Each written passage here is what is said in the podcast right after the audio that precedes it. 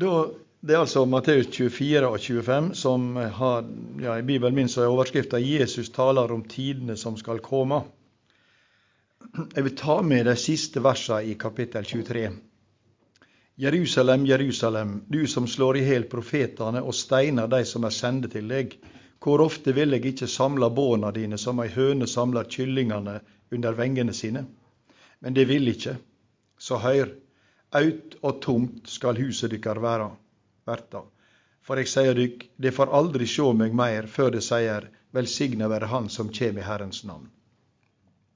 Så kapittel 24.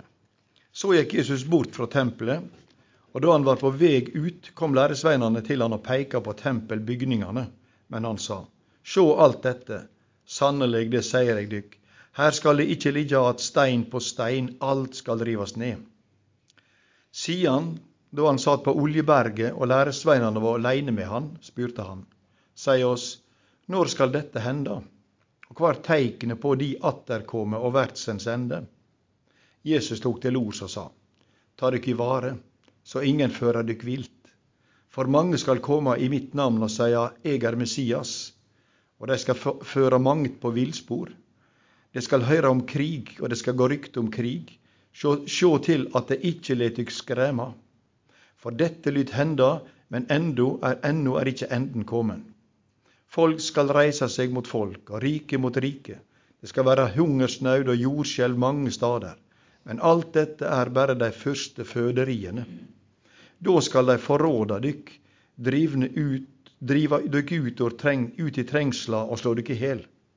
Ja, alle folk skal hate dykk for mitt navns skyld. Mange skal da falle ifrå, og de skal svike hverandre og hate hverandre. Mange falske profeter skal stige fram og føre mange vilt. Og av de, lovløse har vorte så stor, skal kjærleiken kulna hjå de fleste. Men den som held ut til enden, han skal verta frelst. Og evangeliet om riket skal forkynnast i heile verda til vitnemål for alle folkeslag, og da skal enden komme. Når de da ser at den øydande styggedomen som profeten Daniel har tala om, står på den heilage staden, skjøn det den som les, da må det som er i Judea, rømme til fjells. Den som er på taket, må ikke gå ned og hente noe i huset. Den som er ute på marka, må ikke gå heim etter kappa si. Stakkars de som venter barn, og de som gjev bryst i de dagane men be om at de må slippe å rømme om vinteren eller på en sabbat. For da skal det verte så stor nød som det ikke har vore fra verda vart skapt og til no, og som det aldri meir skal verte. Og vart ikkje den tida avkorta, kom ikkje noko menneske til å verte frelst. Men for dei utvalde skuld skal den tida gjerast kortare. Om noen da sier til dykk, sjå her er Messias, eller der er han, så tru det ikkje. For det skal stå fram falske Messiaser og falske profeter og gjøre store teikn og under, og jamvel de utvalgte skal førast vilt, om det er råd. Kom i hug at eg har sagt dykk det føreråt. Seier de da til dykk, han er ute i øydemarka, så gå ikkje dit. Eller han er inne i huset, så tru det ikkje. For liksom lynet går fra aust og lyser ratt til vest, skal, slik skal det være når menneskesonen kjem. Der åtselet er, vil gribbane samlast. Så snart denne trengselstida er over, skal sola mørkjast og månen missa sitt ljos. Stjernene skal falla ned fra himmelen, kreftene i himmelrømda skakast. Da skal teiknet åt menneskesonen syna seg på himmelen, og alle folk på jorda skal setja i med klagerop. Og dei skal sjå menneskesonen komme på himmelskyene med stor makt og herligdom.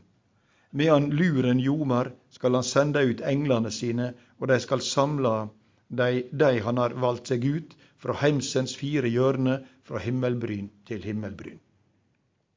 Lær ei likning av fikentreet. Når det kjem sevje i greinene og lauvet spredt, da veit de at sommeren er nær. Likeins, når de ser alt dette henda, da veit de at han er utfor døra. Sannelig, det sier eg dykk, denne ætta skal ikke forgå før alt dette hender. Himmel og jord skal forgå, men mine ord skal aldri forgå. Men den dagen og timen kjenner ingen, ikke englene i himmelen, heller ikke Sønnen, bare Faderen. Som det var i Noas dager, så skal det være når menneskesønnen kjem.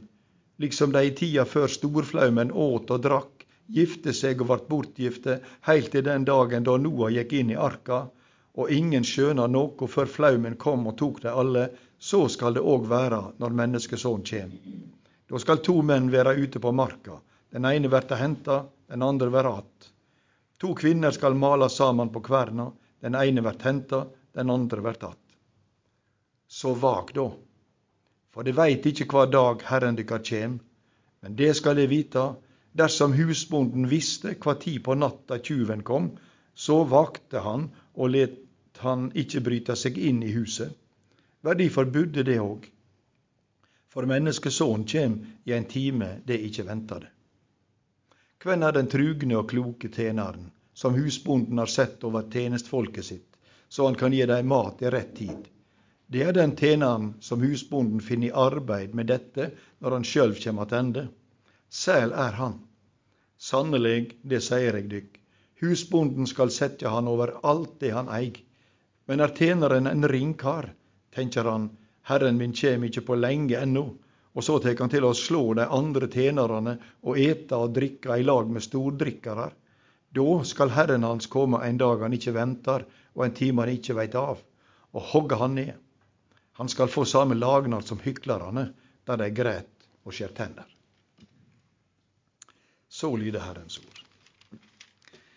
Ja, og dette var altså Jesu endetidstale. Jesu eschatologiske eller apokalyptiske tale. Jesus er i Jerusalem. Han har ridd inn i byen.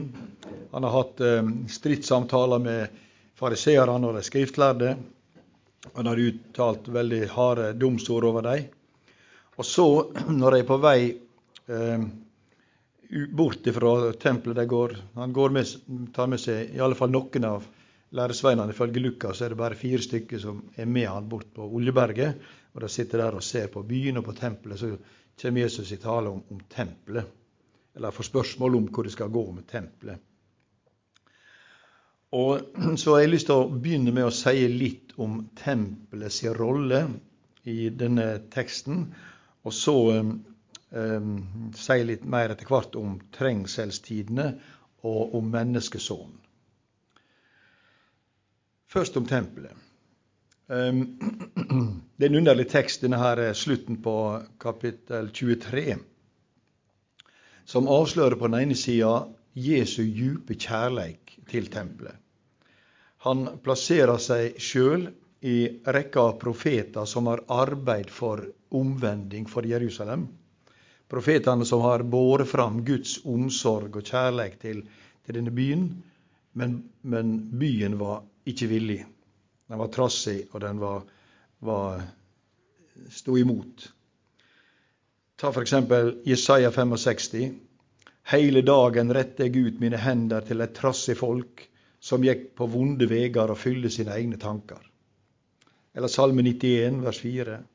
Med sine fjører løgner han deg, under hans venger finn du livd, hans truskap er skjold og vern. Og Jesus kjenner lagnaden til Jerusalem. Han veit hvor det skal gå med tempelet, og han sørger. Jeg har gått fra huset mitt og gjeve opp arven min. Dette er Jeremias sin ord. Jeg har gått Jeremias 12. Jeg har gått fra huset mitt og gjeve opp arven min. Henne som jeg elsker, har jeg gjeve i fiendevald. Og Jesus tek, gjør disse profetorda til sine og, og fornyer dem.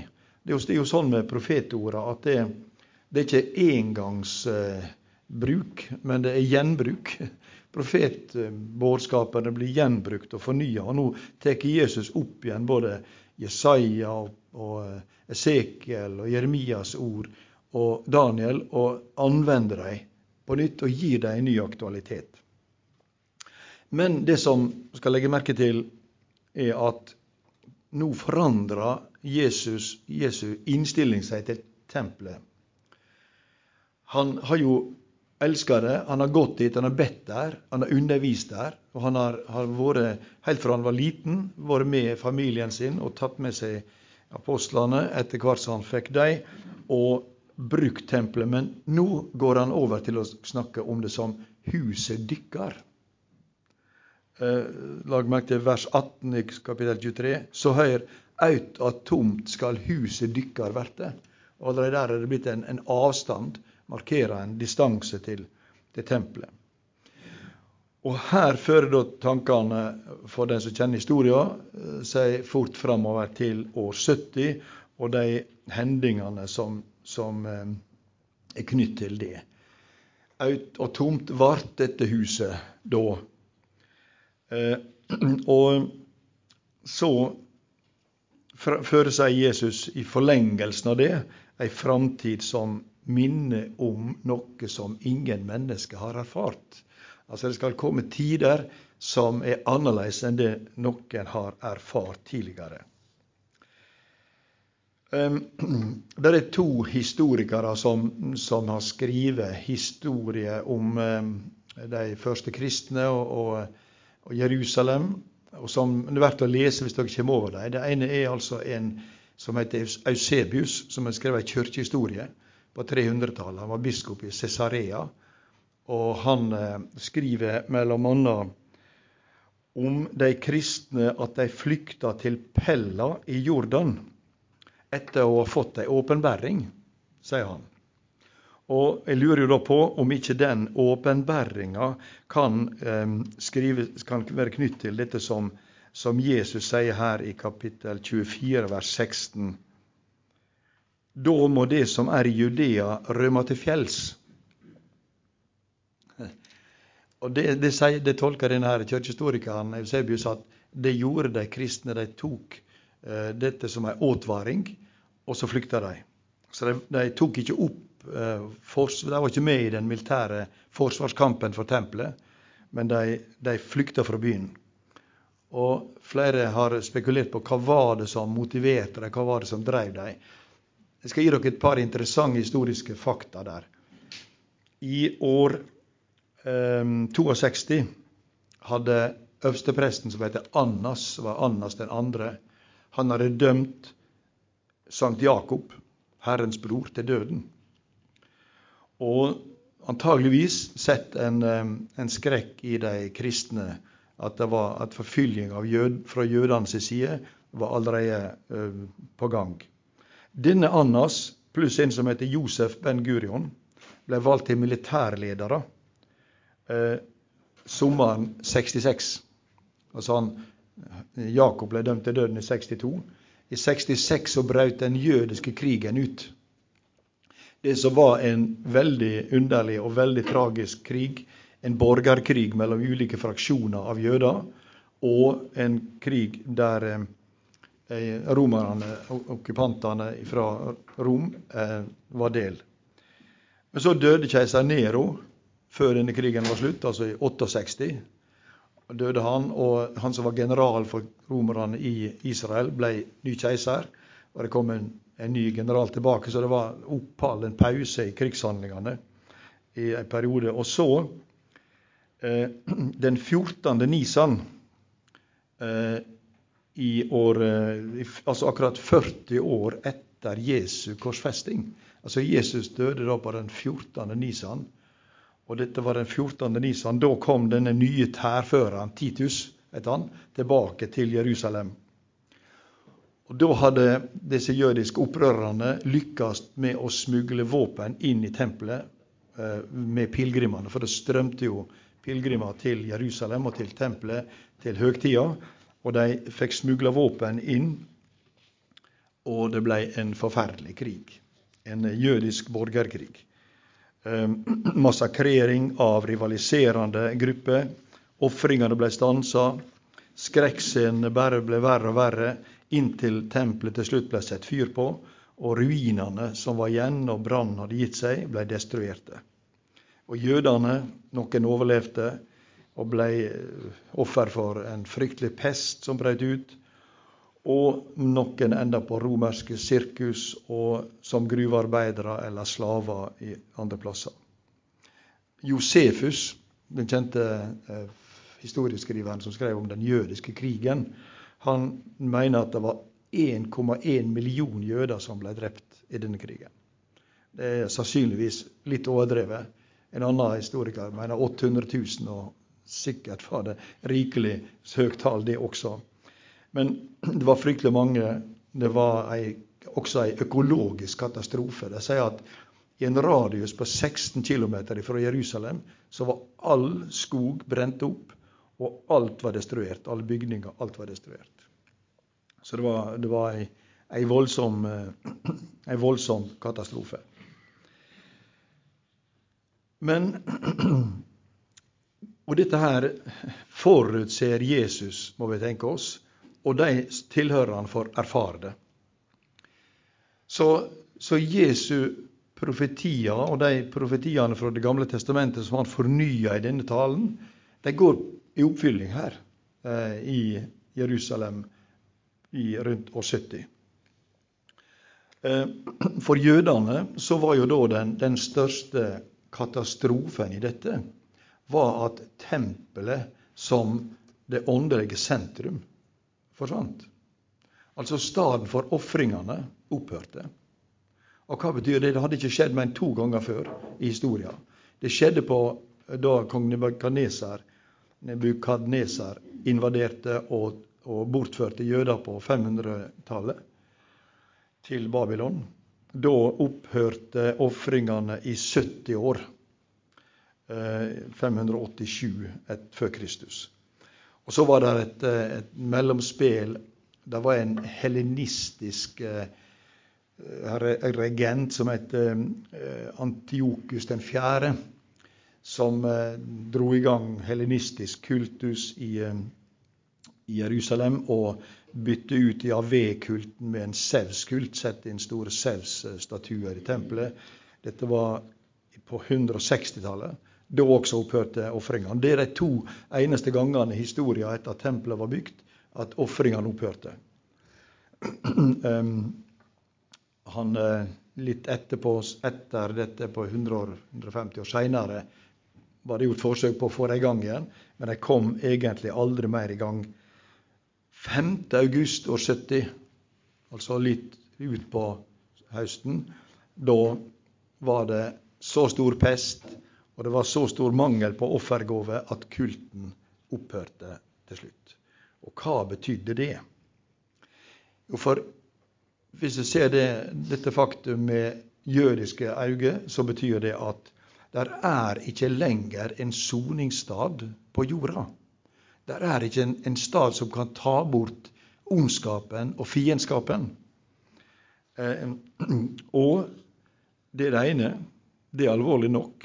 Det andre det er at der er ikke en stad for Guds nærvær. Der er tempelet som hadde vært med skådebrøda og, og eh, forhenget og det høgheilage, som hadde vært staden der mennesker møtte Gud, var borte. Guds nærvær på jorda. For så gudsforlatt som jorda da hadde blitt, det er også ei enorm katastrofe. Og for jødene så dukker da de eksistensielle spørsmåla opp. Hva da med paktene? Er det, er det, noe igjen? Hva med lovnadene? Er det noe mer å håpe på? Eh, det, det, det, det, er en, total katastrofe, det som skjer. Og For jødene så betydde dette at de begynte å lese Det gamle testamentet på, en, på nytt og på en ny måte. De retningene av jødene som var sterkest knyttet til tempelet, forsvant ut av historien. Sadukeerpartiet var veldig sterkt knyttet til tempelet, overlevde ikke denne krisa. Kumran-fellesskapet, essenerne, som mange mener at Jesus var nært knytt til, de var også veldig knyttet til tempelet, men de var, de var tempelkritiske. Men hadde, men hadde, forventninger om en ny tempeltid, et nytt tempel. Men de forsvant også ut av historien. Og i framtida overlevde bare to måter å lese Det gamle testamentet på. Den ene var den rabbinske måten. Den som fariseerne videreførte, og som fariseerne ivaretok i et teologisk eh, senter som ble oppretta i Jamnia. Den andre måten å lese Det gamle testamentet på, var å lese det med, med Jesus Kristus som, som fokus. Som, som, at at lovnadene, oppfyllinga og, og, og, paktene konsentrerte seg om Han og gikk i oppfylling i og med Han. Det som i dag med rette kalles jødedom, er jo da denne rabbinske tradisjonen som de kristne teologene har all grunn til å føre dialoger med, for, fordi eh, der, der vi har mye felles med dem. Ja, Hvordan skal vi da forstå Hva kommer vi inn i historien? Hvordan skal vi forstå sammenhengene? Det har vært flere forfattere opp gjennom historien som har snakka om at historie gjennomgår ulike faser, ulike tider. Eh, og Jeg tenkte jeg skal referere for dere en som heter Gregor av Nazians på 300-tallet. I eh, det som vi kaller Tyrkia i dag. Han skrev at Gud fører folka gjennom fire faser. Den første, Nå tenker han på hele menneskeslektas historie. Den første fasen er ei avgudsdyrkingsfase, altså ei, ei politistisk Alle naturreligioner eh, hører med til den fasen. Så kommer en fase, sier han, da, da eh, all gudsdyrking er knyttet til ofringene.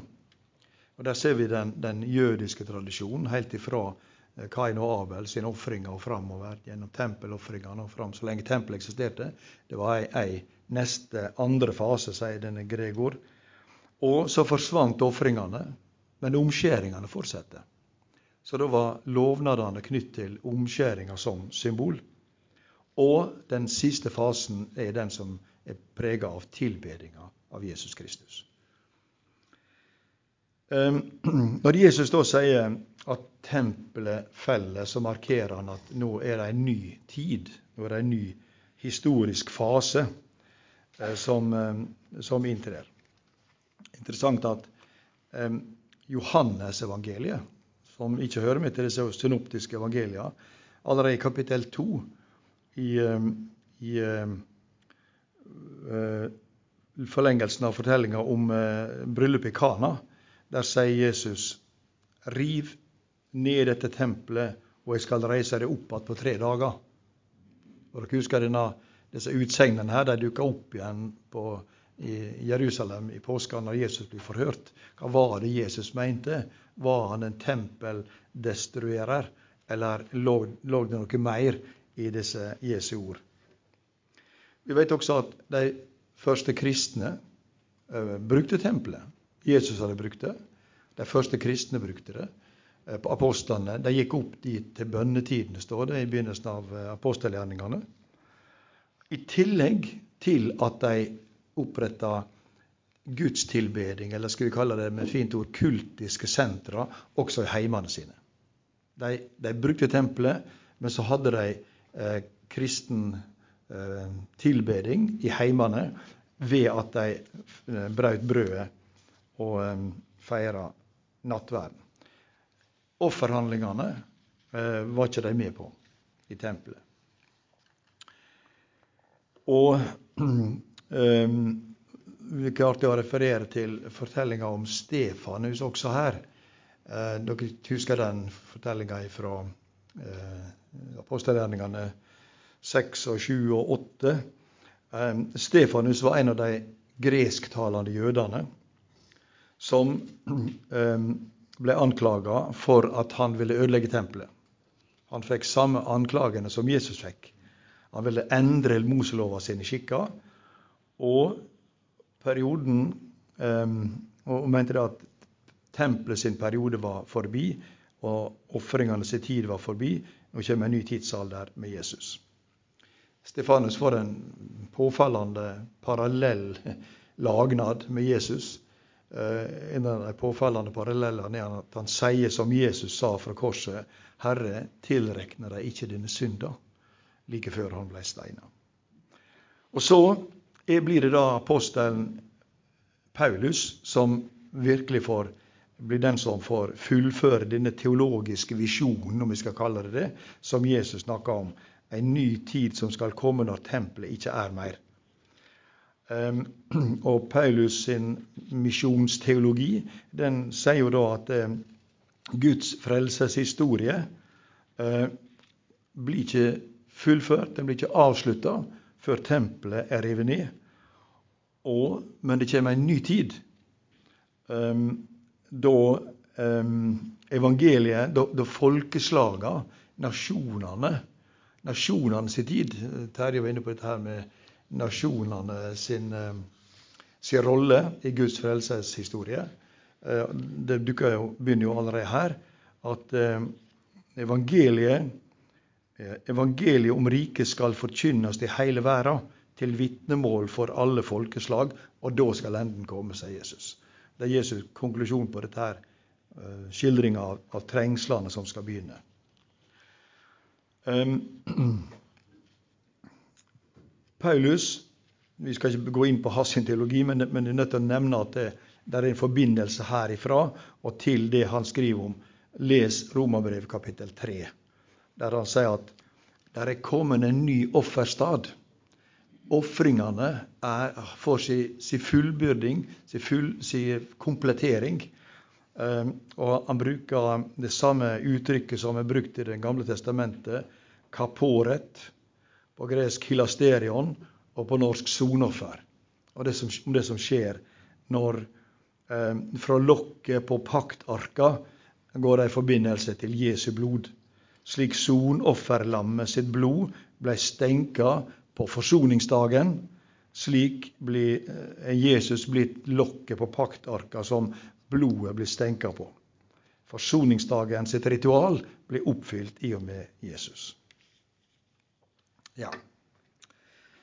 Hvis vi leser dette her litt eh, skal vi si, eh, spontant eller overfladisk, så kan det se ut som at Jesus kobler sammen tempelets ødelegging og verdens ende.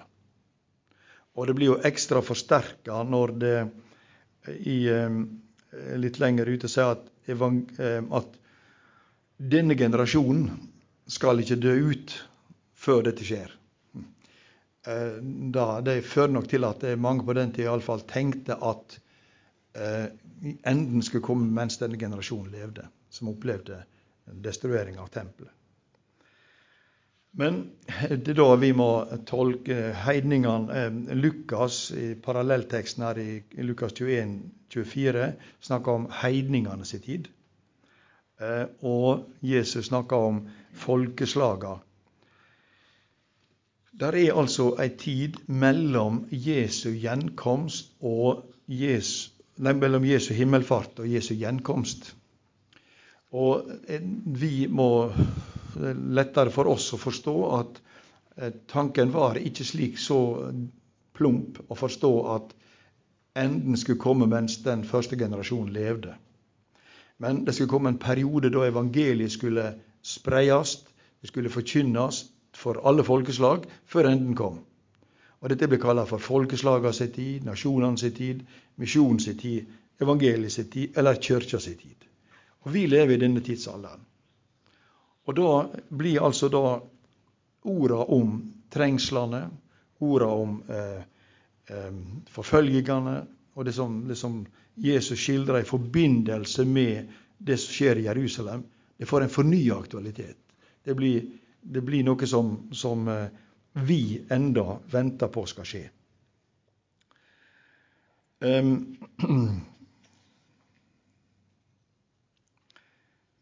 så begynner Jesus da å først forberede dem på um, det som skal hende.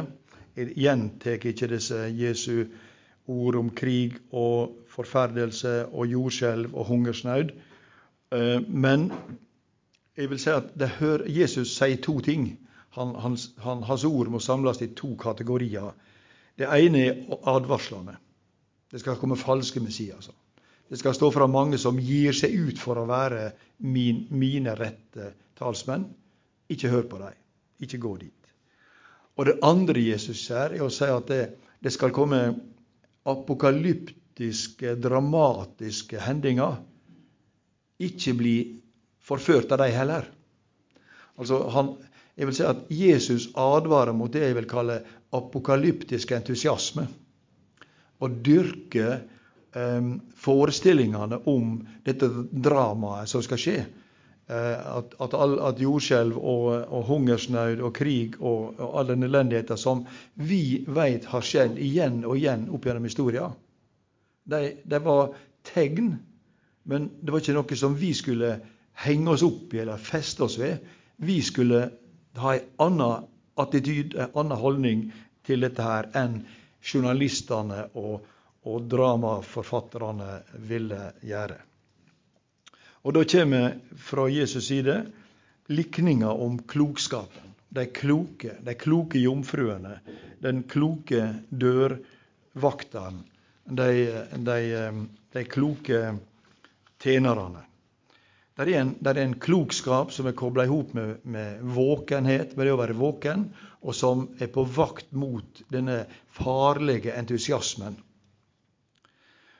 Og her bruker Jesus hele veien gammeltestamentlige eh, visjoner.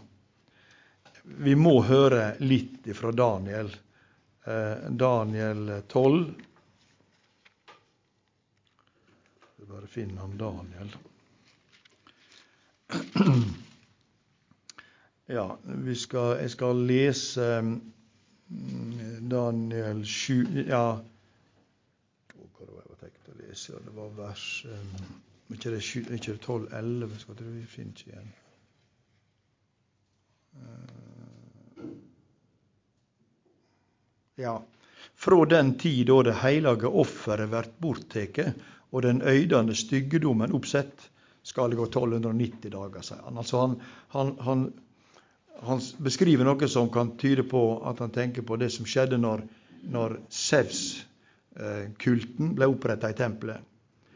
Ehm, det forutsetter han skal komme til å skje. Eh, Daniel 7, 13-14 er viktig her. Og eh, framtida er allerede kommet, sier han. Og Jesus knytter an til Daniel sine, eh, sine ord når han fortsetter å, å, beskrive dette her. Men så gjør Jesus noe uventa, og noe som er, er da eh, helt avgjørende for oss.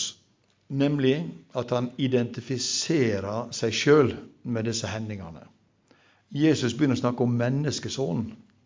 Og Når Jesus snakker om menneskesonen, da snakker han om han som skal, skal styre det som skjer i endetida. Eh, han eh, omtaler seg sjøl som menneskesjån som kjem. Han er den som Daniel snakker om. Og Daniel sier jo at dette var en som så ut som et, menneske. Den da framtida som Daniel skildrer, er kommet. Han er menneskesonen. Ehm, han er den som skal komme igjen. Tidsfaktoren blir mindre vesentlig. Uttrekningene av tidspunktene når dette skal skje, blir helt feia til sides. Ingen mennesker får vite det. Ingen av de truende blir det åpenbæra for. Ikke englene, ikke Sønnen engang. Bare Faderen kjenner timen, kjenner tidspunktet. Så all spekulasjon om årstall er ubibelsk. Eh, og Likevel så er det like aktuelt i alle generasjoner, til alle tider. Forføringene er nærliggende når som helst. Eh, dramatikken på, på verdensplanet og i det kosmiske er like aktuelle til enhver tid. Enda mer visuelt for oss som eh, Nå hadde det jo ikke lenge siden de hadde NASA hadde et eksperiment der de sendte ei sonde for å krasje med en meteoritt. For å se om de kunne styre baner som, som man gikk i, og de lykkes med det. Så, så, mennesker opererer ikke bare med å sende romskip ut i verdensrommet, men, men å påvirke banene som, som eh, månene og, og, og himmellegemene går i. Så det er, jo, det er jo så lett for oss å bli entusiastisk, apokalyptiske entusiastiske for å se tilgang til så mye mer kunnskap enn de hadde eh, både på Jesu tid og seinere. Men eh, fokuset er ikke på himmellekamene, men på menneskesonen. Ikke på krigen, ikke på jordskjelva, men på menneskesonen. Hva er det menneskesonen sier? Hva er det han vil? Det er det, det vi skal forholde oss til. Og fortellinga om fikentreet, eh, fortellinga om eh, påminninga om det som skjedde på Noah sin dager, og de tre likningene om brurmøyene, om talentene, om den gode, den trufaste trugne tjeneren, og, og likninger om dommens dag. Alt dette her har ei hensikt være våken. De, de fem ukloke brudmøyene sovna. De var ikke våkne. Ja, da skal jeg lage ei oppsummering i seks punkt. Eh, prøve å samle trådene. Det ble litt mye historie kanskje, og litt lite bibelteologi, men, men eh, nå kommer, kommer, alle de teologiske punktene også. Punkt 1. Jesus profeterer tempelet og Jerusalems ødelegging. Dette er et hus som blir lagt i øyde. Tempelofringene sin tid blir forbi. I stedet kommer noe annet, nemlig ofringa av Han på korset, som var et offer én gang for alle. Det var én og det ene. Eh, det er ikke, det er ikke ei, ei offerpraksisperiode som skal likne på den som var før, der de daglig bar fram offer. Men vi har ett offer.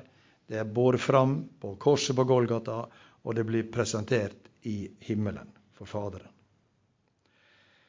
Punkt to.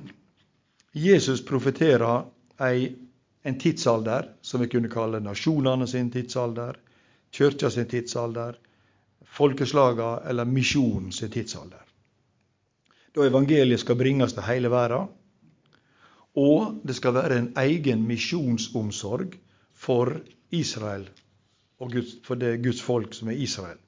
At Gud vil frelse dem på en måte og i ei tid som Gud har hånd om. Og Når heidningene sin tid er forbi, skal også Israels rest sankes inn i lag med de utvalgte. Dette er ei tid for håp, for, for ljoset. Ehm, jeg har lyst til å sitere et vers fra Paulus her, Romerne 13,12. Der sier han natta li, og det stunder mot dag. La oss derfor legge av de gjerningene som hører mørket til, og ta på oss de våpen som hører ljoset til. Slik taler en, en, en forkynner som eh, går inn i denne tidsalderen. Eh, natta si tid er forbi, sier han allerede for 2000 år siden. eh, se, eh, forhold dere som lyset, og som lyset sin tjenere.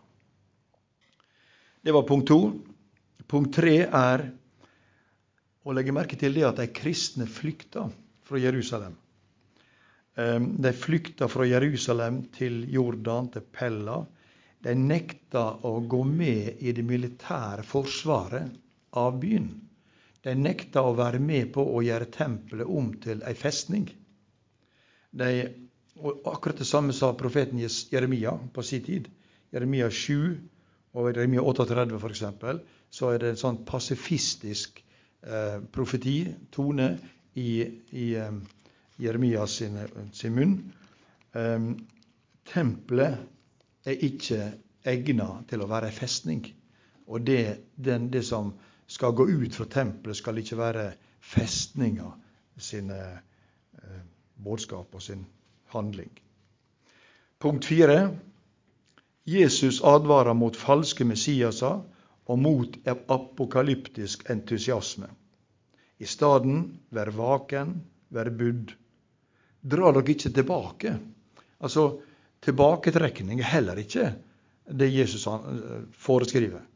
Vær i samfunnet, vær der. Jeg tenker på en parallell her da, i jødene sine opplevelser i Babylon. I Babylon på Nebukanesers tid var det to holdninger til eh, styresmaktene. Den ene var det som, eh, som Jeremia eh, er talsmann for. Hvis dere leser Jeremia eh, 29, så skriv, det, refererer han et brev som ble sendt til, til en jøde bortført til Babylon. og sier at det, bu der, stift familier der, bygg byen, eh, plant dere tre der, og be for den, og, og la det gå, så det skal gå byen og dere godt. Altså bli integrerte i dette fangenskapstilstanden dere er i.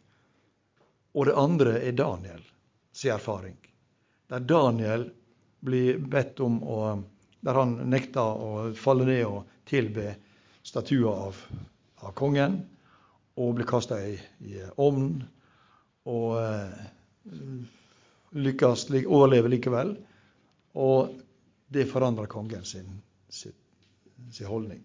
Så dette er til alle tider, tenker jeg, vært et uttrykk for de kristne sitt, sin holdning til samtida. Vær der, bygg hus der, stift familier der. Um, be for styresmaktene og be for de som bor der. Og samtidig nekt å være med når de ber dere om å svikte eh, den som, dere, det som er deres konge. Når de ber dere om å tilbe en avgud. Der går grensa. Punkt fem. Eh, Jesus minner, om, minner folk på forfølgingene som venter de truende. De skal forråde dere, de skal drive dere ut i trengselet, de skal slå dere i hjel. Vær forberedt på at dette kommer til å skje. Ikke tro at det blir fredelig og, og deilig å være kristen i Israel eller i Norge. Etter Markus 13, jeg tar med et vers der fra Markus 13, 9. Eh,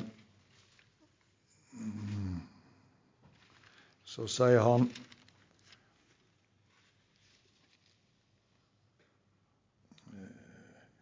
Nå sjå dykk føre, de skal gi dykk over til domstolene. De skal piske dykk i synagogene, og for landshovdingene og kongene skal det skal føres fram for mi skyld, så det, det kan vitne for dem. Og først må evangeliet, og, evangeliet, og slik og sånn må evangeliet forkynnes for folkeslagene. Ikke bare fram i synagogene, men for heidenske konger. Altså, også her ligger det et signal om at det, Eh, evangeliet skal forkynnes, strekker seg utover det som gjelder synagogene, den jødiske konteksten, og inn i hedenske eh, områder. Og det sjette, jeg vil si, det er legg merke til den med et fint ord, den personalistiske omforminga av disse apokalyptiske visjonene. Eh, Jesus sier at det, eh, all dramatikken skal foregå både på jorda og i himmelrommet. Men det er det som handler om meg, som er viktig. Det er det dere skal merke dere. Det er den, den, det fokuset dere skal ha. Der jeg vender oppmerksomheten bort ifra det, det dramatiske og fest blikket på meg. Eh, Jesus gir med andre ord ikke en beskrivelse av hvordan verden skal ende, men hvem som skal gjøre ende på den. Og Det gjør han med ord og uttrykk som er kjent, kjente forestillinger fra Det gamle testamentet. Han drar våre forestillinger inn i det som allerede fins i Guds gamle ord. Og de opplyser den framtida vi er på vei mot. Ja, Våre tanker om framtida skulle ikke handle om nysgjerrig spekulasjon om fenomen vi kan observere, men vi blir henvist til å være budd til å møte dommeren over levende.